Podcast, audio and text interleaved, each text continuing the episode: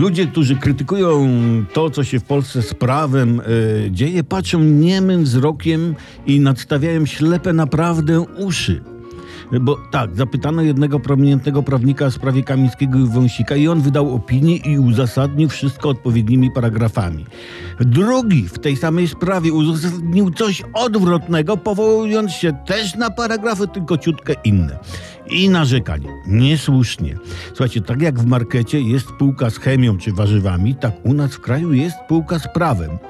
Masz określone poglądy, musisz coś tam uzasadnić, idziesz do półki z prawem i se wybierasz. Biorę ten paragraf Konstytucji. Tę ustawę sobie biorę. Ten wyrok Trybunału takiego czy owego. I już uzasadniam, że na przykład Niemiec zjadł Wandę i popił smokiem.